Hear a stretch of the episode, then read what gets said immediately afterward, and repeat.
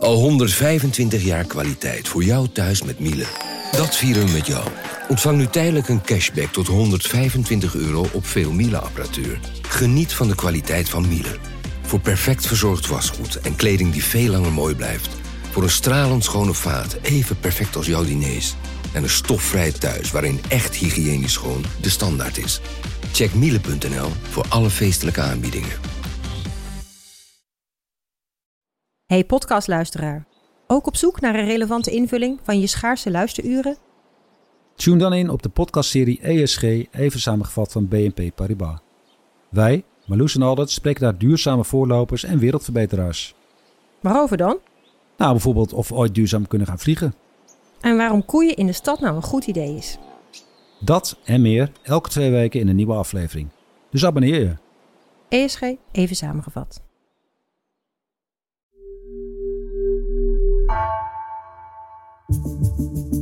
Vanaf de redactie van NRC het verhaal van vandaag. Mijn naam is Egbert Kalsen.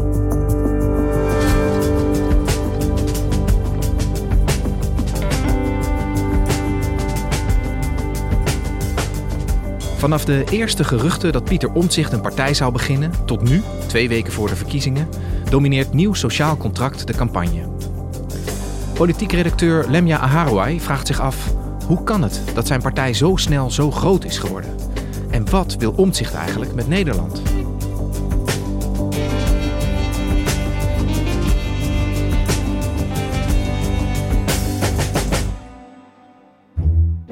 Afgelopen vrijdag was het uh, traditionele Radio 1-debat. Dat wordt altijd gehouden voor de Tweede Kamerverkiezingen. Uh, dit keer deden er 16 lijsttrekkers mee, maar er was één grote afwezige. Goedemiddag en hartelijk welkom bij het NOS Radio Debat. We zitten in Nieuwsport in Den Haag met hier 16 lijsttrekkers vanmiddag. De enige afwezige vandaag is Pieter Omtzigt van Nieuw Sociaal Contract. Die had een verplichting elders. En die verplichting, uh, dat was eigenlijk een soort zelfopgelegde verplichting. Want Pieter Omtzigt stond in een kerk in Deventer, een hele mooie middeleeuwse kerk, om daar een uh, lezing te geven over bestaanszekerheid. Bestaanszekerheid, toen ik het anderhalf jaar geleden zei, toen was er wellicht een enkele politicus bij de SP die het regelmatig zei. Maar het probleem rondom bestaanszekerheid was niet helemaal duidelijk in politiek Den Haag. En wat me opviel was uh, dat Omtzigt ervoor koos om meteen aan het begin van zijn lezing toch nog even het te hebben over dat debat waar hij niet bij was geweest. En die andere grote partij, de lijsttrekker daarvan, Dylan Jasilgus van de VVD, uit te nodigen voor een één op één debat. Ik daag de VVD en dan ook specifiek mevrouw Jasilgus uit om net als Frans Timmermans met mij hier een uur over in debat te gaan om samen te kijken welke oplossingen wij hebben als nieuw sociaal contract en welke oplossingen de VVD heeft. Ja, en dit laat zien hoe Pieter Omtzigt de campagne tot nu toe aan het voeren is, namelijk op zijn voorwaarden. Uh, deze week maakt hij bijvoorbeeld bekend dat hij niet komende zondag bij het RTL-debat uh, zal zijn. Uh, ja, ik denk soms wel eens dat andere partijen die um, nog vrij jong zijn, naar kijken en denken: wat doe je nou? Wij hadden dit zo graag gewild. En ja, hij, hij is dus in de positie dat hij kan kiezen. Dus ze hebben niet alle podia nodig, want ze zijn al verzekerd van, uh, van aandacht. Um, hij liet iedereen wachten aan het begin of hij wel of niet met een partij zou komen. Daarna liet hij iedereen wachten of hij wel of niet met een hele lange lijst zou komen. Of dat hij maar op een paar plekken mee zou doen in Nederland. En daarna liet hij iedereen wachten op zijn verkiezingsprogramma. Dat is er inmiddels ook. En nu is de vraag die boven de markt hangt: wordt Pieter Omtzigt premier als nieuw sociaal contract NSC zijn partij dus de grootste wordt? Of laat hij dat aan iemand anders? En die vraag is best reëel, want als je kijkt naar de peilingwijzer, dat is een afgewogen gemiddelde van twee peilingen, INO Research en Ipsos. Um, ja, dan zie je dat uh, eh, NSC samen met de VVD toch wel een beetje aan het concurreren is om wie de grootste partij gaat worden. Dus het is best een relevante vraag. Maar goed, aan die campagne tot nu toe kun je dus zien, het gaat op de manier waarop Pieter Omtzigt wil dat het gaat. Of in ieder geval, het komt hem erg goed uit hoe het tot nu toe gaat.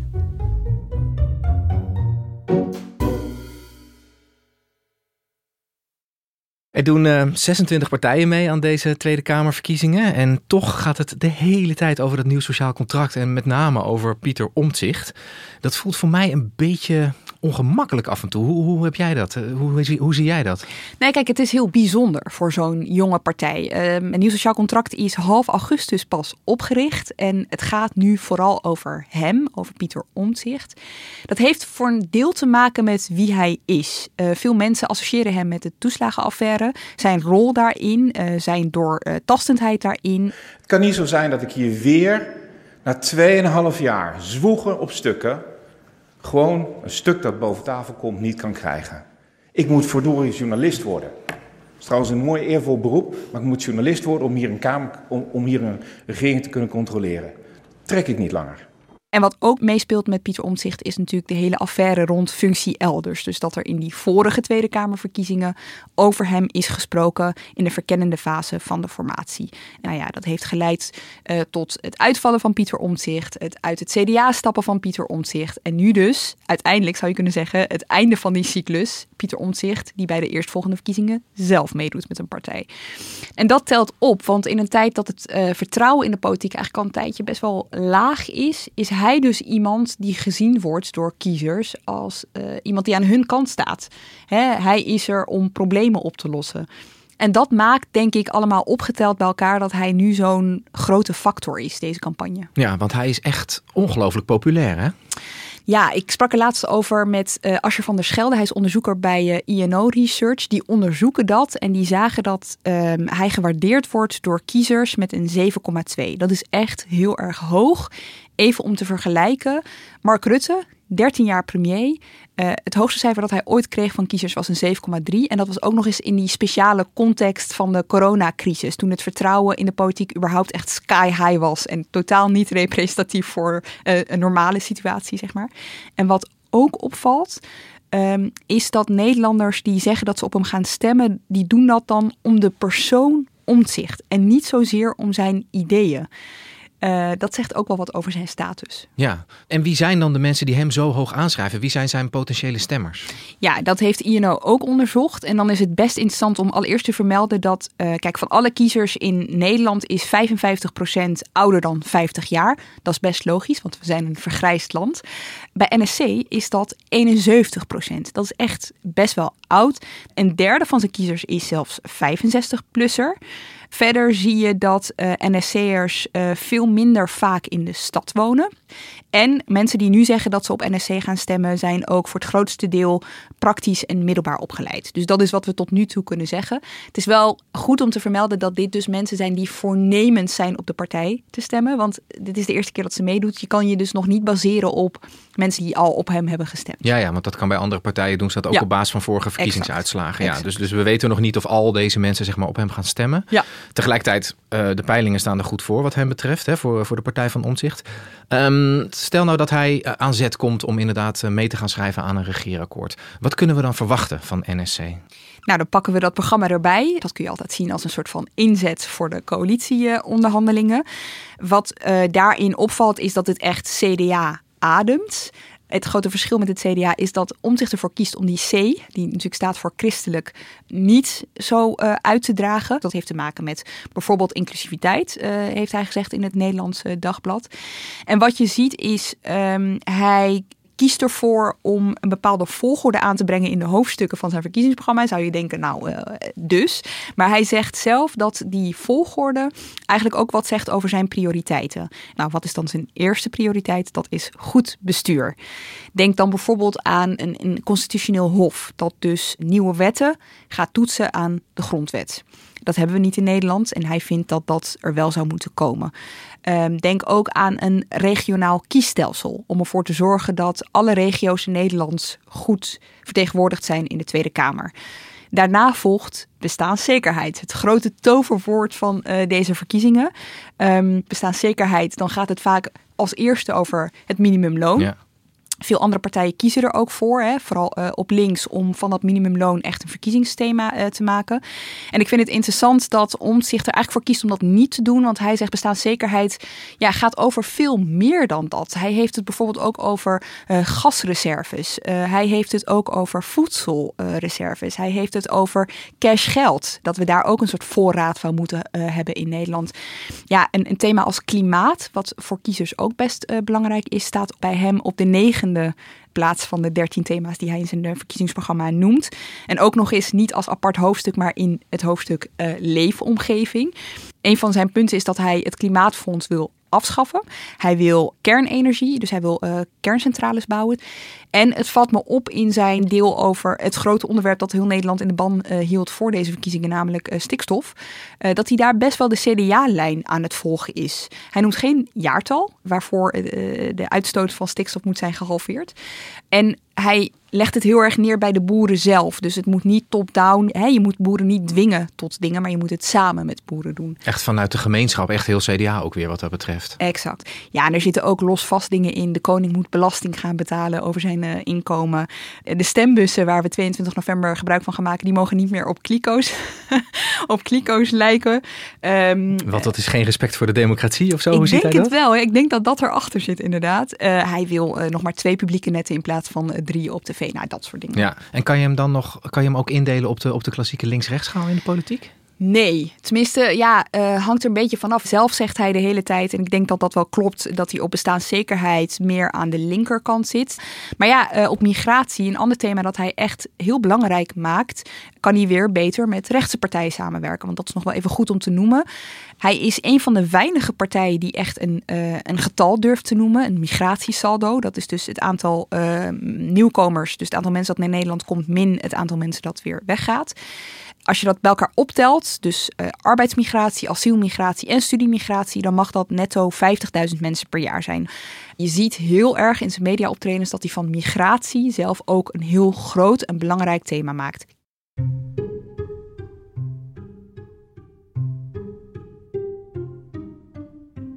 Dus we hebben een lijsttrekker, Pieter Omtzigt. Ja. We hebben een programma over eh, de volle breedte van de Nederlandse maatschappij. En hij heeft inmiddels ook een lijst met Kamerleden. Ja. Wat weten we van de mensen die namens Nieuw Sociaal Contract in de Kamer moeten komen? Nou, ook op die lijst zie je veel voormalig CDA'ers uh, terug. Uh, om maar te noemen, in de top 6 staan er vijf. Wat heel erg opvalt aan die lijst ook, is uh, dat er mensen op staan die horen bij de thema's die hij belangrijk vindt. Dus um, Sandra Palme staat erop, een bekend persoon in de toeslagenaffaire. Was ambtenaar op financiën. Zij was ambtenaar en waarschuwde uh, zonder uh, veel succes voor de gevolgen van de manier waarop het werkte. Uh, er staat een strafrechter op, er staat een pensioenexpert op. En er staat natuurlijk ook een voormalig NRC-columniste op, een microbioloog, Rosanne Hertzberger. Dus het is een, een, een ja, het is een soort samenstelling van allerlei mensen uit het werkveld. En dus ook wel echt mensen met politieke ervaring zitten ertussen. En Lemja, uh, gisteren publiceerde het, uh, het CPB uh, een van mijn favoriete documenten altijd in de campagne. Keuzes in kaart, waarin ja. ze van een groot aantal partijen doorrekenen wat nou de effecten van al die plannetjes zijn. Eén partij, of althans meerdere partijen zaten daar niet bij, maar ook de partij van Pieter Omtzigt heeft het niet laten doorrekenen. Hoe, hoe zit dat? Ja, Pieter Omtzigt uh, heeft dat inderdaad niet laten doen. Uh, staat daarmee in een rijtje met uh, PVV, SP, Partij voor de Dieren, BBB, DENK en Forum voor Democratie. Andere partijen laten het wel doorrekenen. Um, kijk, het heeft te maken met de deadline, want zij zijn relatief laat gekomen met hun verkiezingsprogramma. Maar het is wel goed om te markeren dat Pieter Omtzigt ook in die lezing in Deventer afgelopen vrijdag toch wel ageert tegen het soort van modeldenken in de politiek. Je kan niet op basis van modellen uh, conclusies trekken, zegt hij heel vaak, omdat uh, de praktijk toch altijd weer barstiger is.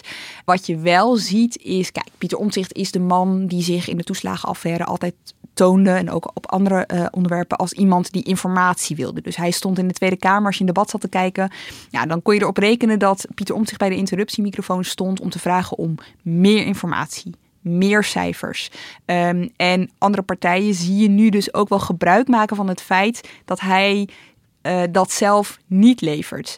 Uh, dat zag je bijvoorbeeld afgelopen zondag ook in het RTL-debat. Toen werd hij daarop aangevallen door VVD-lijsttrekker Dylan Jessilgus. Meneer Omtzigt, u bent econometrist. Dus u houdt niet alleen van cijfers, maar u kent ook het belang van cijfers. En het belang van financiële onderbouwingen bij plannen. En wat ik mij nu afvraag, is waarom u nu bij uw eigen plannen, uw eigen verkiezingsprogramma, er niet voor kiest om ze door te rekenen. door te laten rekenen, moet ik zeggen. Want anders krijg je een beetje het gevoel hoe zal ik dat, dat het een soort menukaart zonder prijs is.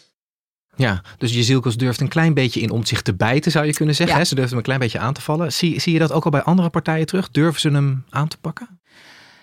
Ja, voorzichtig aan wel. Uh, afgelopen uh, weekend deed Henny Bontebal van het CDA dat bijvoorbeeld in Buitenhof. We hebben gezien dat um, de kiezer is vaak op drift. Mm. Uh, en dan komt er weer een nieuw iemand en dan loopt de kiezer daar weer achteraan. En dat, is, dat kan je ook het midden verwijten. Dus wij moeten als politieke partij en als politiek midden ook steeds in de spiegel kijken. Wat hebben wij dan uh, verkeerd gedaan? U zegt het heel netjes, maar u zegt eigenlijk... er komt een nieuwe politieke partij met een nieuw gezicht. En daar gaan alle mensen dan weer achteraan lopen. Dus is dat kritiek op Pieter Omtzigt? Ja, maar ook op alle... Uh, ik denk dat de kiezer op, op drift is. En we moeten denk ik uitkijken in de politiek... steeds te grote beloftes neer te leggen die we niet waar kunnen maken. Vlak daarvoor deed Laurens Dassen van Volt dat eigenlijk best wel hard bij ons uh, in de krant. Hè. Die zei, als Pieter Omtzigt de grootste wordt, dan uh, gaat Nederland 20, 30, 40 stappen uh, terug. Dus die deed dat wel. Dus je ziet het heel voorzichtig naarmate 22 november er aankomt dat het meer gebeurt. Alleen het is best spannend voor partijen. kijk, Pieter Omtzigt is een soort held. En dan denken partijen, dus vanuit partij gedacht, moet je jezelf opstellen als de anti-held. Is dat slim? Het antwoord daarop is meestal nee. En zo valt die voorzichtigheid een beetje te verklaren. Voor de VVD is het extra lastig vanwege die hele functie elders uh, affaire. Maar ik moet wel zeggen, de komende twee weken, omdat het dus zo spannend is in die peilingen tussen VVD en NSC, uh, verwacht ik eigenlijk dat we het wel iets meer gaan zien uit VVD-hoek. Omtzigt lijkt dus uh, nou ja, redelijk onaantastbaar, zouden we misschien wel vast kunnen stellen tot nu toe in deze campagne. Is dat nou allemaal strategie, denk jij? Of, of past dat ook bij een jonge partij die eens wat probeert en denkt, nou dit werkt wel en dit werkt niet en we gaan zo door? Ja, goede vraag. En het speelt echt uh, uh, ook op het Binnenhof. Weet je wel, van zijn ze daar nu uh, bezig met het uitrollen van een heel goed werkende, slimme strategie of is het wat anders? Kijk, ik heb hier niet het antwoord op. Um, als het een strategie zou zijn, dan denk ik dat de campagne-strateeg daar zich echt in de handjes mag knijpen, want ze weten daar de aandacht echt vast te houden. Maar ik denk eerlijk gezegd dat het ook te maken heeft met iets anders. En dat is de soort van besluiteloosheid die omzicht soms ook kan hebben. Zo staat hij bekend. Van hoe moeilijk hij het soms vindt om gewoon een knoop door te hakken. Uh, dus dat, dat zal vast ook wel meespelen. Het is, het, is, het is denk ik niet alleen maar strategie. Nee. Maar kijk, we kunnen vaststellen dat het werkt. Ja, en geldt dat twijfelen, hè, wat jij beschrijft van hem, geldt dat nou ook voor die ene troefkaart die hij nog steeds in zijn mouw heeft zitten? Wil hij nou premier worden? Ja, dit is de vraag die hem echt overal wordt uh, gesteld nu. Ik, het valt mij op dat zijn taal daarover echt wel een beetje is gaan veranderen de afgelopen tijd. Uh, Zo'n beetje op de dag dat hij, uh, of in ieder geval de week dat hij aankondigde mee te gaan doen met een eigen partij, werd hij door RTL Nieuws gevraagd of hij de eerstvolgende premier zou zijn. Toen was zijn antwoord eigenlijk best wel helder. Nee, ik kies ervoor met een nieuwe beweging om te zeggen: ik ben de kandidaat om fractievoorzitter te zijn. Om van daaruit het beleid vorm te geven. De Kamer is ook het hoogste orgaan. We hebben verkiezingen voor de Tweede Kamer, beslot van rekening. En daarna zag je dat dat langzaam begon te veranderen. Dus toen begon hij te zeggen dat, uh, dat hij erover aan het nadenken was. Dat het niet uitgesloten was. Um, en dat laat hij nu de hele tijd een beetje op die manier in de lucht hangen. Ja, hij zal ermee moeten komen. Dus u bent bereid in het torentje plaats te nemen om die agenda uit te voeren. Hoor ik dat goed? Vandaag krijgt u daar geen antwoord op. Maar oh. het gaat mij om dat die agenda uitgevoerd wordt. En niet wie en waar uitvoert. Maar zegt u dit omdat u nog twijfelt? Dat u misschien nog een andere kandidaat hebt? Of komt het u strategisch stiekem een beetje goed uit om dit nog een paar weken zo te rekken? Het eerste. Ja, want we zijn inmiddels al echt al een aardig eind op weg richting, uh, richting 22 november. Ja. Het is nog uh, krappe twee weken.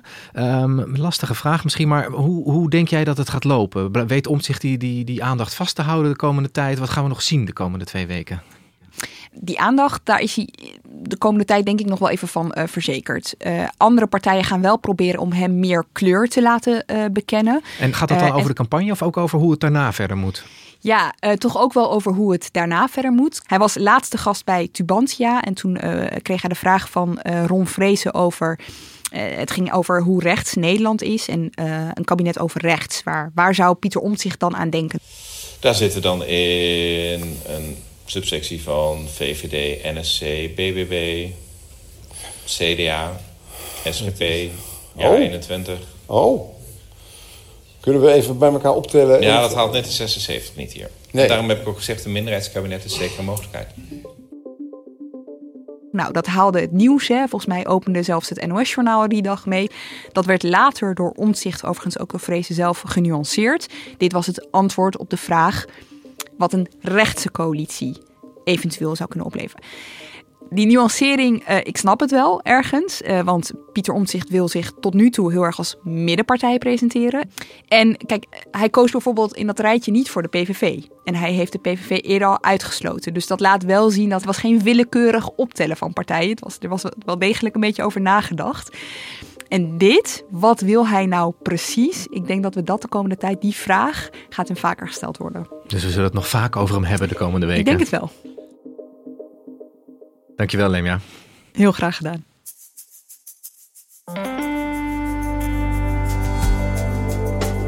Je luisterde naar vandaag, een podcast van NRC. Eén verhaal, elke dag. Deze aflevering werd gemaakt door Ruben Pest en Jan-Paul de Bond. Coördinatie Henk Ruigrok van der Werven. Dit was vandaag, morgen weer.